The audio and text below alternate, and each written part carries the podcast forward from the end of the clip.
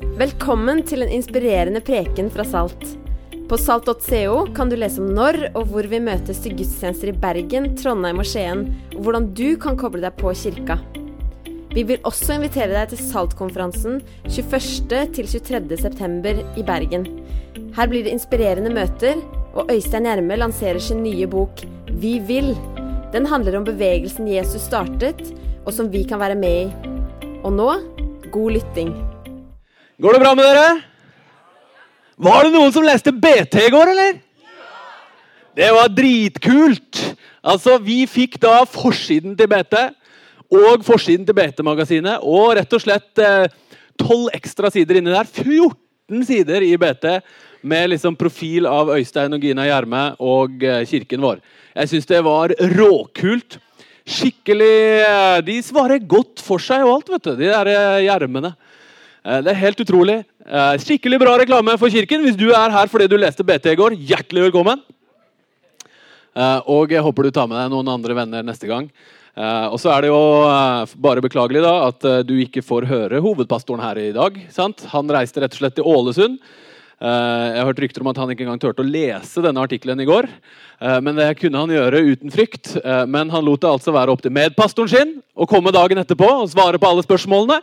Så hvis det er noe du lurer på om helvete, eller liksom uh, tungetale, eller, eller liksom bygninger, eller sånne ting som det, så er det bare å spørre uh, etter gudstjenesten, vel å merke. Folkens, vi holder på å snakke om kirken vi ser. Som Elisabeth så glitrende innleda med. Uh, og vi bruker jo å si det at, eh, at, vi har en visjon i denne kirken. her. Og hva er en visjon? En visjon er jo mer enn bare uh, en setning, liksom, eller et slogan. En visjon, ordet i seg sjøl, betyr jo egentlig et bilde. Sant? Det er et bilde av et ønske, en, eh, ønsket framtid.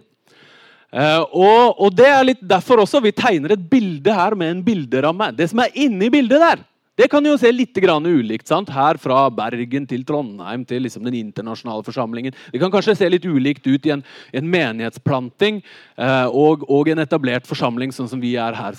Men, men, så ønsker vi å ramme inn dette bildet her med noen ting som vi ønsker skal ligge der fast. Eh, og, og, Dette er fjerde søndagen inn i denne serien. Eh, og Første søndagen så snakket vi om hva er det vi driver med. Hva er oppdraget vårt? Hva er misjonen vår? Jo, det er å lede mennesker til et nytt og bedre liv i etterfølgelse av Jesus. Det er det vi gjør i Salt.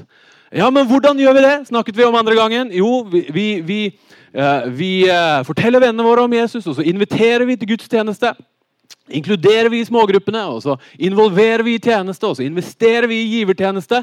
Det er på en måte det vi, liksom rent som konkret måten vi jobber på. på en måte. Sant? Eh, egentlig ganske greit og lett forståelig og egentlig ganske ålreit å bare få det på plass. Og så, Forrige søndag så snakket Øystein eh, om, eh, om eh, eh, hvorfor. Ja, men hvorfor gjør vi tingene sånn som vi gjør? Ja, Hvorfor er det liksom sånn at de er så entusiastiske her og gruver så veldig under lovsangen? Jo, det er fordi vi er en entusiastisk, vi har en verdi for entusiasme. Hvorfor er det du, du, blir møtt av folk i døra, og de smiler til deg, og kanskje de har noe frukt til deg, eller noe Nonstop, eller et eller annet sånt noe? Jo, det er fordi at vi har en verdi for gjestfrihet. Ja, hvorfor står Mathias her og snakker om liksom livet med Jesus? Jo, det er fordi vi har en, en verdi for, for vekst. Og så, og så, handler det om hvorfor vi gjør de tingene vi gjør, de verdiene, det som er viktig for oss. Og så kommer vi til i dag, og den øverste delen av visjonsrammen, og det vi skal snakke om i dag, det er når lykkes vi, da? Når er det vi lykkes? Når kan vi si at eh, vi har lykkes? Og jeg tipper det at Hvis jeg spurte rundt omkring her i salen i dag, så ville jeg få like mange svar som det det er folk i salen. Hva er definisjonen på lykke? Spør du en bedriftsleder, så, så, så, sier han kanskje det at ja, når aksjekursen går opp, liksom, da, da, lykkes vi. Når omsetningen går opp og marginene øker. Og, og, og, de har sine Key Performance Indicators. Enhver organisasjon har det. Sine KPI-er. Og jeg, er jo et tallmenneske, så jeg elsker jo KPI-er. Liksom, ja, gi meg noen KPI-er. Men spør du, spør du tenåringen, så er det kanskje om antall likes på Facebook- eller Instagram-postene mine øker. Ja, Det er å lykkes. Kanskje ikke bare tenåringer engang. Jeg tipper du også tenker litt det. Sant? Akkurat sånn som jeg også gjør. Spør du min sønn, så er det det at han får mer spilletid. Det er definisjonen på å lykkes. Sant? Faren hans var ganske streng på spilletiden før han ble ti år og fikk sin egen iPhone. Da ble det komplett umulig å håndheve et minimum av kontroll på det greiene der. Så jeg bare ga opp, og han føler virkelig at nå lykkes jeg her i livet. Jeg spurte jentene, småjentene rundt frokostbordet i dag hva syns dere det er å lykkes. Og vet du hva de svarte? Når posten kommer fram.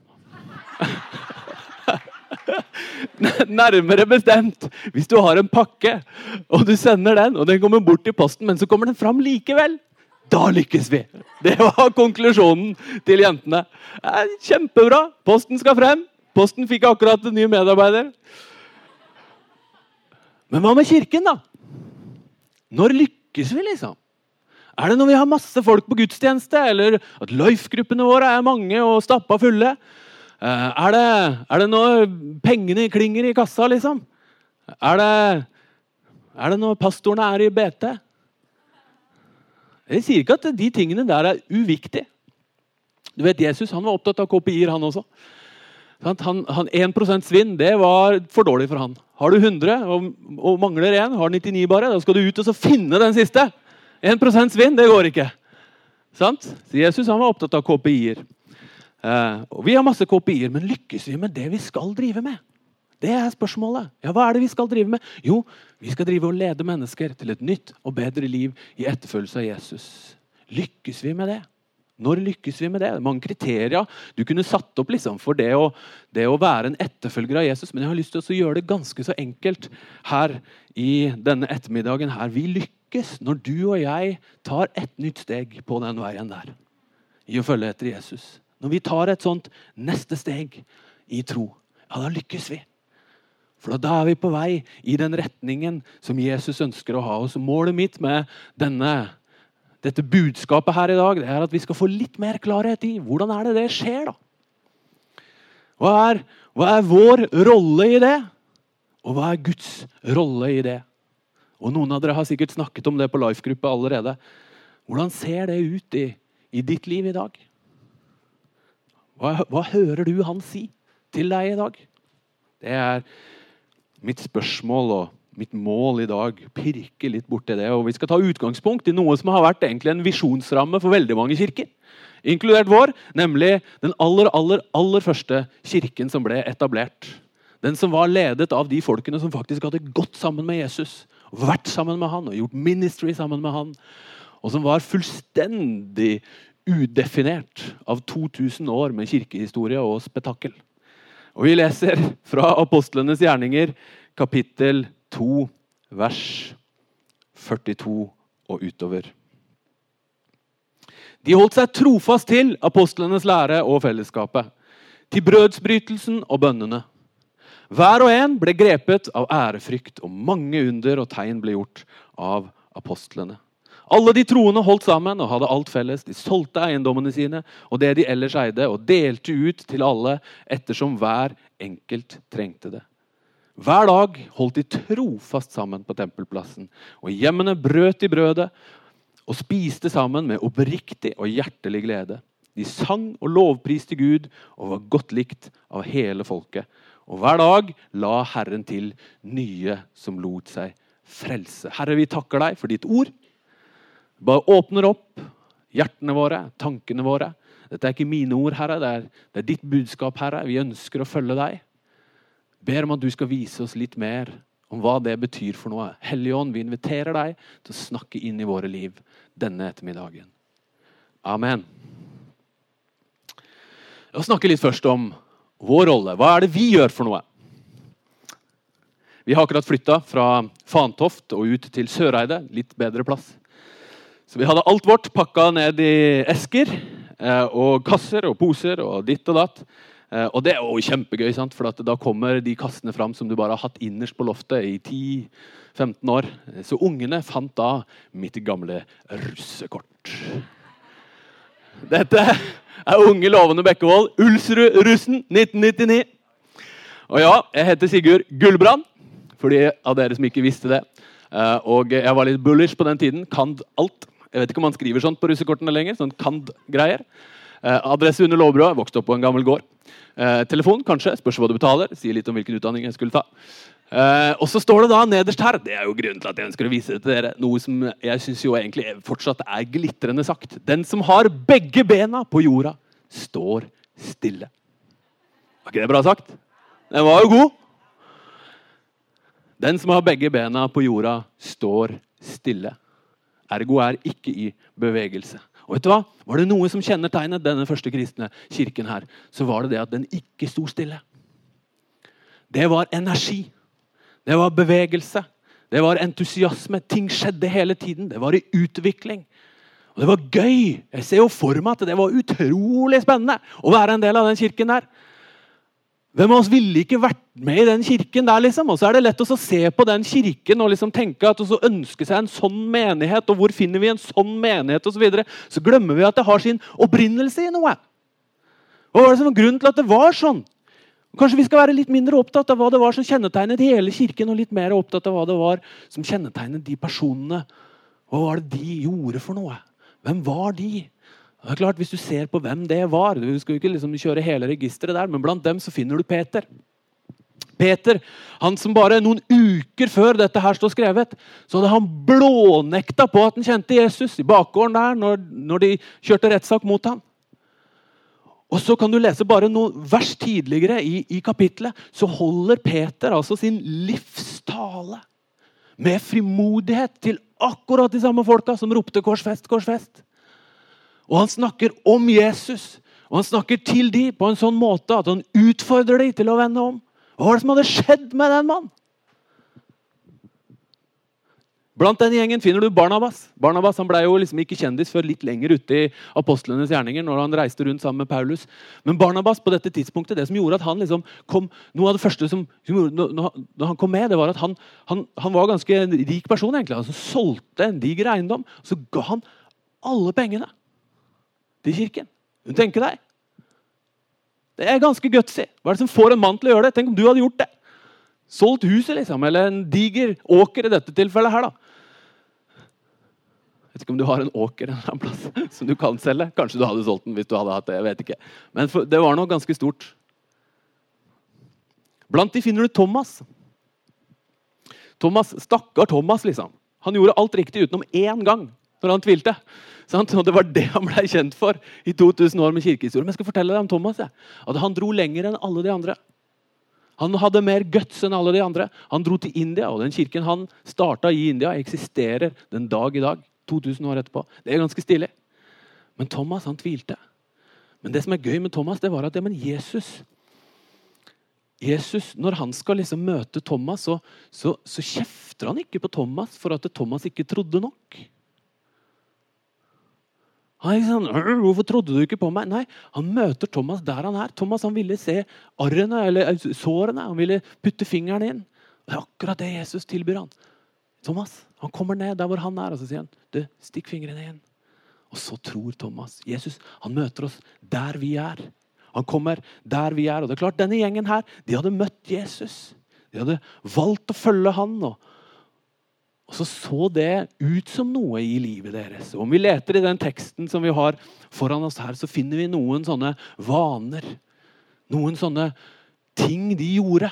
Kall det praksiser eller kjernepraksiser eller nøkkelpraksiser. Eh, og vi skal finne fire sånne som det. For det første så holdt de seg trofast til apostlenes lære. Hva betyr det? Apostlenes lære. Det er jo egentlig denne boka her. Det Det er apostlenes lære. På akkurat det tidspunktet så var ikke det skrevet ned og sammenfatta. Det skjedde først noen hundre år etterpå. Eh, men apostlenes lære holdt de seg trofast til. Og vi er hellig overbevist om at ikke bare kan du komme her og få høre liksom fra Bibelen og i forkynnelsen, sånn som dette her, men når du setter deg ned hjemme i godstolen, så tar du fram denne boka her så er vi hellig overbevist om at eh, da skjer det noe.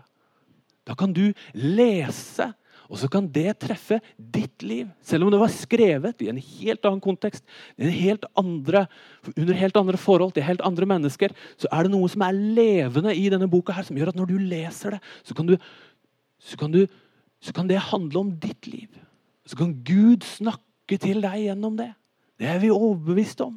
Enten du er liksom 16 år og, og er på Salt Ung hver fredag, eller du er 86 år og er i liksom livets solnedgang og tenker vet du hva, det er noe nytt hver eneste dag. De holdt trofast fast ved ordet. Hva annet holdt de fast ved? På engelsk så heter det 'they devoted themselves'. De, de forpliktet seg til. De holdt fast ved Jo, de holdt fast ved fellesskapet. Gjorde de ikke det? De holdt seg trofast i fellesskapet, leser vi. Vi leser de troende holdt sammen, hadde alt felles. De, vi leser hver dag holdt de trofast sammen på tempelplassen, altså i gudstjenesten, og i hjemmene. På Life-gruppen. Det er noe å holde fast ved. Og jeg synes det er så gøy hver gang vi hører en ny fortelling om hva liksom fellesskapet har betydd for folk. Hva det har betydd for folk å bli en del av en life-gruppe eller komme til gudstjenestefellesskapet eller bli inkludert på et eller annet vis. Og Siste uke så kunne vi lese en post på Instagram med Anne og Robert Hisdal. Eh, og De sier følgende Vi liker å være med og bidra med det vi har. Mer og mer har vi skjønt hvor mye det gir tilbake. Fortsatt åpenbarer det seg nye velsignelser og gleder ved å være med og tjene ikke, trenger ikke å ha vært med i den første menigheten for å holde fast ved fellesskapet. Det går det an å gjøre. For det tredje så holdt de fast ved brødsbrytelsen og bønnene. Hva er det for noe? Jo, det handler jo om vår kommunikasjon med Gud. Det handler jo om vår spiritualitet, vår åndelighet. At vi ber, at vi tar imot i nattverden. Spiritualiteten vår. De sang og lovpriste Gud, står det også. Det er noe å holde fast ved. Det er så nydelig å høre Mathias, Mathias eh, fortelle om hva som skjer når vi ber. Og Det var nydelig å lese når Issa fra Salt International eh, fortalte på Instagram for noen uker siden Just as in the early church, I think communion helps us in our worship to affirm our faith in the finished work of Jesus on the cross. It is beautiful to stand together as people from all the nations and proclaim that Jesus is Lord. Hvis du ikke har vært på Salt Internasjonal ennå, så anbefaler jeg deg å prøve det. Og bare erfare akkurat det. Kunne komme sammen med folk fra alle mulige steder og kroker av verden og tilbe i fellesskap. Det er noe nydelig. Det er noe, for å bruke et litt sånn kristeliøst uttrykk, profetisk over det. De holdt fast ved åndslivet, spiritualiteten. For det fjerde så holdt de fast ved oppdraget. De solgte, hva, Hvordan annerledes kan du tolke dette? De solgte eiendommene og delte ut til alle ettersom enhver trengte det. Ganske radikalt. Det gjør du ikke hvis ikke du har hatt en hensikt som, som står klart for deg. De var godt likt av hele folket. Hver dag la Herren til de som lot seg frelse. Det var et oppdrag som drev de. Og jeg syns det er nydelig og lese. Vi hadde en sånn hjerte for kirka her for litt siden. Eh, og Magnus Sylta han forteller jeg er glad for å kunne være med og gi til min kirke. Det er en frihet og trygghet å vite at Gud velsigner de gavene vi kom med. Ikke av tvang, men av takknemlighet. Jeg er takknemlig for å være en del av Salt. Der mennesker kan få et møte med evangeliet om Jesus gjennom et inkluderende fellesskap. Er det ikke kult? Holdt fast ved oppdraget. Det som er litt ekstra kult, er jo at det, dette er jo selvopplevd for Magnus. Fordi ble, Han ble invitert av Andreas Randi, som sitter her nede, en eller annen gang i tiden, til Salt. Det er så kult! Fordi at de holdt fast ved oppdraget. Denne første kirken her, dere, den var liksom ikke bare spennende og, og varm og inkluderende og, og sånne ting som det her. Fordi at det var liksom den gangen der. Nei, dette her er kvaliteter som kan gjelde i dag også. Og det er kvaliteter som kan gjelde uavhengig av om du er i Uganda eller i Tokyo, eller om du er i USA eller i Norge eller i Spania, for den saks skyld. Dette her er kvaliteter som det går an å Positive vaner som det går an å bygge inn i livet. Og denne kirken var spennende og varm og inkluderende fordi enkeltmenneskene hadde disse vanene. Og Derfor så sier vi i vår sånne visjonsramme vi sier det at ja, men når vi kommer til det, at vi skal svare på hvordan er, når er det vi lykkes, ja, så sier vi det at det, vi lykkes når, når hver og en av oss får etablert sånne positive vaner av det å være forplikta til ordet, av det å være forplikta til fellesskapet, spiritualiteten og oppdraget. Og vet du hva? Da er vi på vei. Hva er det jeg sier for noe? Ja, bare gjør disse fire tingene, liksom. Ja, så er du innafor. Så etablerer vi en sånn kopier på det. sant? Og så Hvis alle sammen bare går i takt og leser ti minutter i Bibelen hver dag og ber ti minutter hver dag og kommer på gudstjeneste hver søndag og gir så mye givertjeneste og la, la, la, la, Et nytt sånn sett med regler hvor alle skal uniformeres Det er jo ikke det det handler om.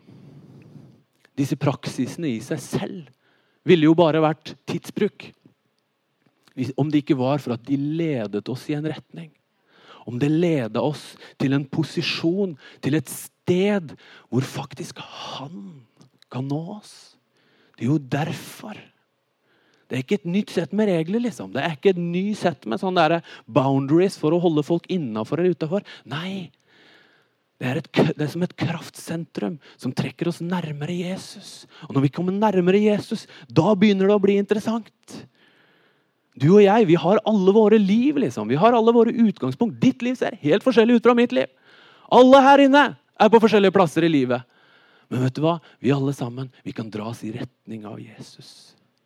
Og Når vi etablerer disse praksisene, når vi søker Han på disse måtene, så åpner vi opp for hva Han kan gjøre. Når lykkes vi? Jo, det starter med at hver og en av oss skjønner det at ja, Jesus han ønsker, at, han ønsker et forhold til meg. Han ønsker å trekke meg nærmere. Og ved å ha noen sånne praksiser så stiller vi oss i en posisjon der han kan snakke til oss, og vi kan utvikle vårt indre liv. Ja, det er liksom hva vi gjør. Men hva, hva er det Gud gjør, da? Det er jo nå det begynner å bli gøy. sant? Det er nå det begynner å bli spennende. Eh, fordi at Når vi setter oss i en posisjon der han kan snakke til oss, vet du hva som skjer da? Ja, da gjør han faktisk det. Han snakker til oss. Han leder oss. Hør på dette! Jesus sier sjøl 'Be, så skal dere få'. Det er sammenheng. Let, så skal dere vinne. Bank på, så skal det lukkes opp for dere. For den som ber, han får. Og den som leter, han finner. Og den som banker på, skal det lukkes opp for. Det høres jo nesten banalt ut. Men vet du hva? Det er så sant. Hvis ikke vi stiller oss i den posisjonen, ja, vet du hva? Da, kan, da, da får han heller ikke liksom gjort så fryktelig mye. Kom til meg, alle dere som strever og bærer tunge byrder. Jeg vil gi dere hvile. Hvordan kan han gi oss hvile hvis ikke vi kommer til han? Ta mitt åk på dere og lær av meg. Jeg elsker dette. Johannes 10. Jeg er den gode gjeteren. Mine sauer hører min stemme. Jeg kjenner dem, og de følger meg. Så inviterer han oss. Han inviterer oss nærmere. Og så strekker han ut den samme invitasjonen som det han gjorde til de aller, aller første disiplene. Kom, følg meg. Matteus 4. Kom og følg meg, så vil jeg Prikk, prikk, prikk. Jeg husker første gangen som, som jeg skulle be høyt. Eh, og eh, jeg hadde jo liksom I oppveksten så hadde jeg bedt til sånn kveldsbønner eh, sammen med, med, mamma og pappa. og ikke sant, Jeg bedt liksom for meg sjøl og sånn. Men, men, så skulle jeg sitte liksom som, som voksen eller som student liksom, rundt i en stue med noen andre. og og så skulle vi be, og så, og så bare kjente jeg liksom inni her at ja, men jeg har lyst til å be, jeg også. Så satt vi der, og de andre sant, de hadde jo svart belte i å be høyt. på en måte. Sant? At De ba sånne sinnssykt flotte bønner da, som bare hørtes bra ut. Og du kjente at liksom dette, og jeg bare, ja, jeg også vil be. Så satt der og sant, planla hva jeg skulle be. Formulerte en sånn skikkelig fin bønn. sant? Og så bare begynte jeg å be, og så så kom det ut noe helt annet selvfølgelig sant, enn det jeg hadde planlagt. Men det var et steg å ta. da. Så husker jeg første gangen som jeg skulle gi tiende. 10% av noe jeg hadde tjent. Uh, og jeg husker det at vi hadde vært på et sånt ungdomsmøte en fredagskveld.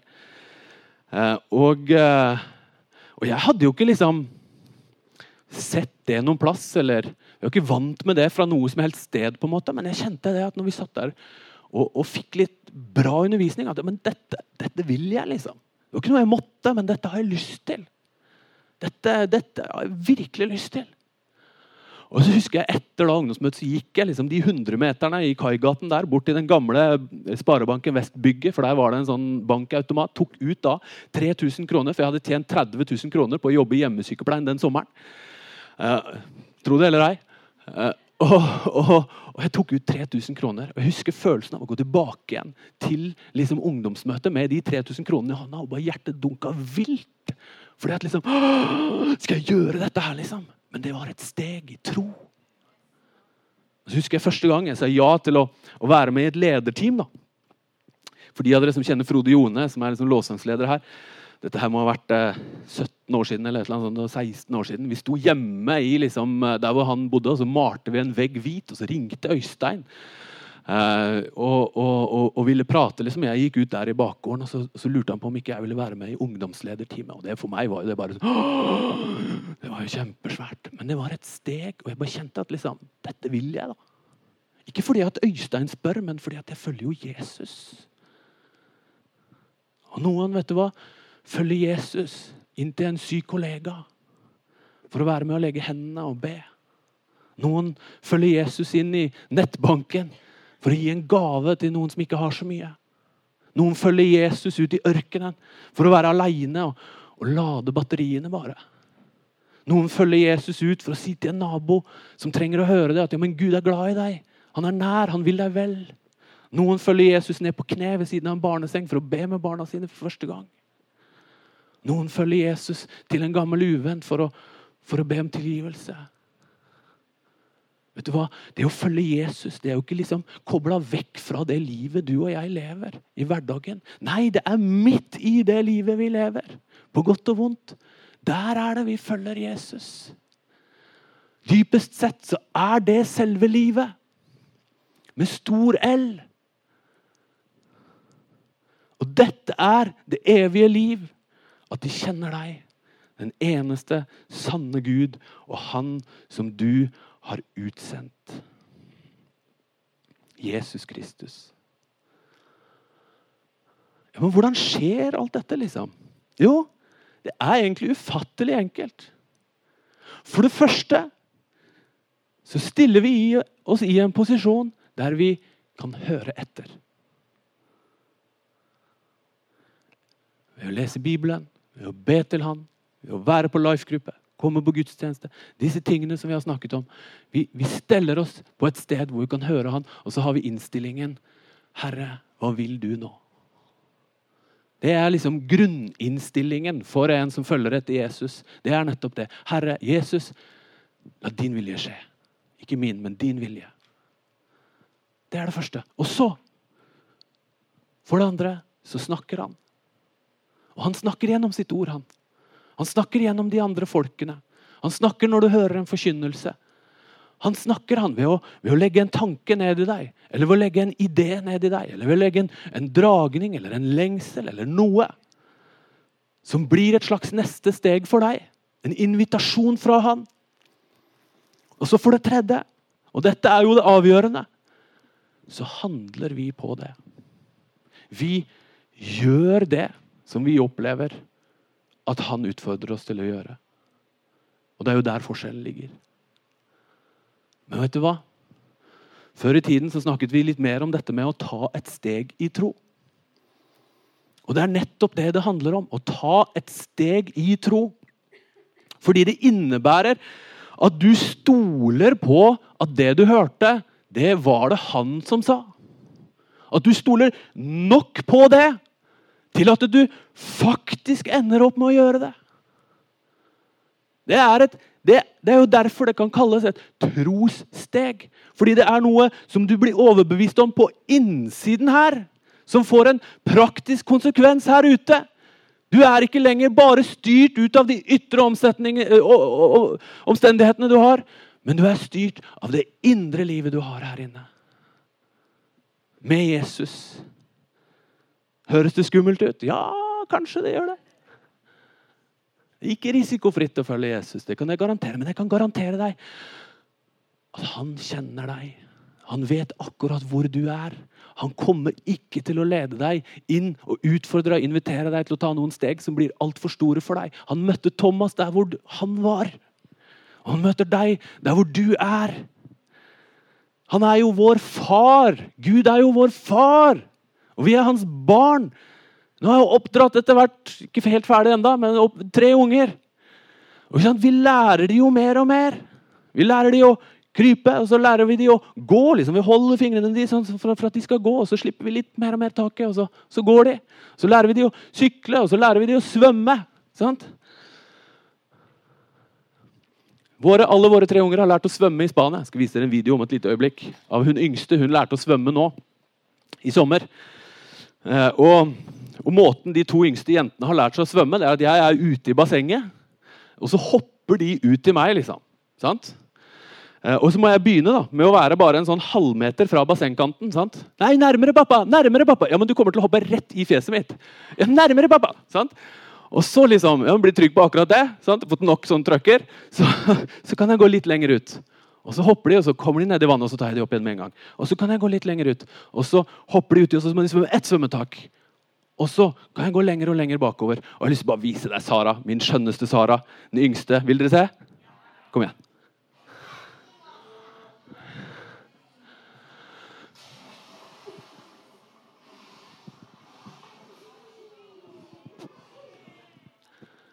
Jeg vet ikke hvor mange svømmetak du telte der, men, men prøv å sette deg inn i Saras sted akkurat der. Du kan ikke svømme, men du hopper ut i vannet likevel. Fordi du tror at han som står der ute og tar imot deg, han vet hva han gjør.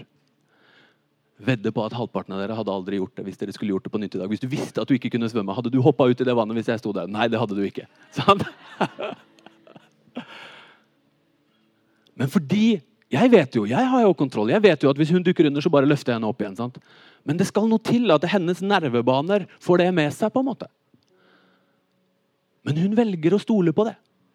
Og så velger hun å stole på at når jeg tar litt steg bak, så kommer hun til å klare det neste også. Og så velger hun å stole på at hun klarer det neste også. Og så velger hun å stole på at hun klarer det neste også. Jo mer hun mestrer, jo mer stoler hun på det. Og plutselig så svømmer hun rundt i det vannet. Sånn er det å følge Jesus. Jesus inviterer deg på svømmetur. Du og jeg vi liker å ha kontrollen. sant? Vi liker å, å, å styre utfallet. Vi Vi vil så gjerne vite at det går bra. Men vet du hva? å følge Jesus, det er å tørre å slippe litt tak i kontrollen. Det er å tørre å stole på Han og ta noen nye steg. Og vet du hva? Det starter smått. Men etter hvert som du stoler på Han, så kan du ta større skritt. Og så kan han gå dypere rundt. Og før du vet ordet av det, så svømmer du rundt. Ja, Men hva, jeg, hva om jeg må gi slipp på litt ære, da? Ja, hva så? Hva om jeg må gi slipp på litt velstand eller komfort eller trygghet? Ja, men hva så? Jeg kunne lese i BT i går om kirken, og jeg kjenner liksom bare at jeg blir stolt her inne. på en måte. Ikke fordi at vi skal være så flinke og flotte, fordi denne byen trenger å se en kirke som tør å være frimodig og være synlig og tydelig. Og så er det jo først og fremst en profil av Øystein og Gine, hovedpastoren. og Når de deler liksom om hva som fikk de til å starte denne kirken, så tenker jeg tusen takk, Øystein og Gina. For at dere turte å stole på det som dere hørte. Det dere opplevde at Jesus kalte dere til. Og turte å ta det første steget. Og så var vi flere som turte å se det samme bildet, og som tok noen steg sammen. Og i dag så sitter vi her og vi tror at dette fortsatt bare er begynnelsen. Nå er kanskje ikke det ditt neste steg, liksom, det å starte en ny kirke. Men jeg har så lyst til å inspirere deg til å tenke at ja, det er så uante muligheter. Livet med Jesus det er så stort, det er så gedigent. Det er så mye vi ikke har sett ennå. Det er så mange mennesker, det er så mange forhold, det er så mange situasjoner, det er så mange livsdefinerende øyeblikk som ligger framfor oss. Når vi følger etter Jesus, som du ikke ante var der en gang. Men han har sett det. Han har vært der. Og han ser potensial i deg. Livet å følge etter Jesus folkens, det er ikke et grått og kjedelig liv. Langt ifra. Det er selve livet med stor L. Og når vi lærer å la oss lede av Han, og ta steg i tro. Og ta et neste skritt i å følge etter Han. Vet du hva? Da kan vi leve i sånn kontinuerlig personlig utvikling. Og kontinuerlig, og det blir den kirken vi ser. Da lykkes vi. Er det risikofritt? Nei. Men den som har begge beina planta på jorda, han står stille. Den var jo god, du må innrømme det. Skal vi reise oss? Jeg har så lyst til å avslutte med å be. Når lykkes vi, folkens? Det vi har forsøkt å svare på i dag. Er det når vi er mange på gudstjeneste, når vi har mange life-grupper, store kollekter, flotte bygg? Det er jo bare indikatorer, er det ikke det? Siste verset vi leste, det var Og hver dag la Herren til nye som lot seg frelse. Jo, dødskult! Det var de gamle kalte vekkelse. Sant? Alle vil ha det. Du Kjempestilig, høres unektelig bra ut. Men vet du hva? det står på slutten, det. Det er masse annet som står før det. Og vi er ikke en sånn kirke som driver tallene, liksom. Nei, vi er en sånn kirke som leder mennesker til et nytt og bedre liv i etterfølgelse av Jesus. Vi lykkes når du lykkes. Når du og jeg tar et neste steg, et trosteg, i vår etterfølgelse av Han. Når vi stiller oss på et sånt sted at Han kan snakke til oss, ja, da hvisker Han til oss. Han utfordrer, han inviterer. Han inviterer ikke til å ta noen steg som ikke du er i stand til å ta, men han inviterer. Og mitt spørsmål til deg i dag det er kan du høre at han hvisker. Hva er det han hvisker til deg? Helt overbevist om at Den hellige ånd er her akkurat nå. Han som kjenner deg på djupet, og som vet hvem du er. Alle dine sorger og gleder. Og vet du hva? Vi ønsker ikke å være en sånn kirke vi som bare er en sånn kirke for å være en sånn kirke. Nei. Det er ikke, det er ikke for at dette skal være stort og fint og flott. Det er fordi at vi er i denne verden her med en hensikt av å være der for de rundt oss. Av å nå de rundt oss. Vi er ikke oss sjøl nok. Vi er der for å utgjøre en forskjell for de som vi har rundt oss. Det er en sånn kirke vi er. Og jeg spør deg, hva hvisker han til deg? Kan vi ikke bare rette oss mot han sammen? Skal vi synge litt etter hvert, og så kommer vi tilbake. Herre, jeg takker deg. Takk, Herre for at du er her akkurat nå. Hellige Ånd, jeg tror at du er her. Takk for at du rører ved oss. Takk for ditt ord som forandrer oss, Herre. Jesus, vi ønsker å følge etter deg. Det er ønsket og lengselen, Herre. Herre, vi ønsker å bety en forskjell i denne byen, i dette landet, rundt omkring. Du kjenner hver eneste en, Herre. Og du inviterer oss aldri til å ta steg som ikke vi er modne eller up for å ta, Herre. Og nå ber jeg Jesus om at hver eneste en her inne skal kjenne det, Herre. Du møter dem der, du er, der de er. Herre, snakk til oss, Herre. Herre, dra oss nærmere. Vis oss mer av hva du vil. Vi ønsker å søke ditt rike, Herre. Vi søker din vilje, Herre, ikke vår vilje, Herre. Vi lengter, Herre, etter å se Jesus, at du blir mer tydelig, mer synlig, Herre, i denne byen her, Herre. Og Jeg takker deg, Herre, for at du kaller hver enkelt en, Herre. Takk, Jesus. Lær oss å høre din stemme, far. Lær oss å skille, Herre, mellom hva som bare er støy, Herre, og hva som er din stemme, Herre. Og Herre, jeg ber for de som kjenner at de har et sånt trosteg foran seg, Herre. Jeg ber om at du skal komme, Herre, med din fred. Jeg ber om at du skal komme med din trygghet, Herre. Du som har all kontroll, du som har hele verden i din hule hånd. Du som står der ute i bassenget, Herre, og bare venter på at vi skal hoppe. Og hvis det ikke går så bra, så drar du oss opp, Herre. Og så, så inviterer du oss mer og mer, Herre. Herre, vi ønsker å svømme med deg. Herre, vi ønsker, Herre, og vi lengter, Herre, etter at du skal forme oss, Herre, på innsiden. Takk, Jesus. Takk, Herre.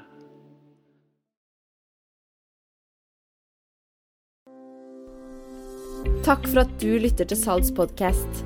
Vi vil utfordre deg til å la budskapet bli en del av deg, og la Jesus forme deg slik bare han kan gjøre. Du er så velkommen til å delta i arbeidet vi gjør. På salt.co kan du melde deg på Saltkonferansen. Du kan også bli en fast giver og investere i å nå flere mennesker med budskap om Jesus.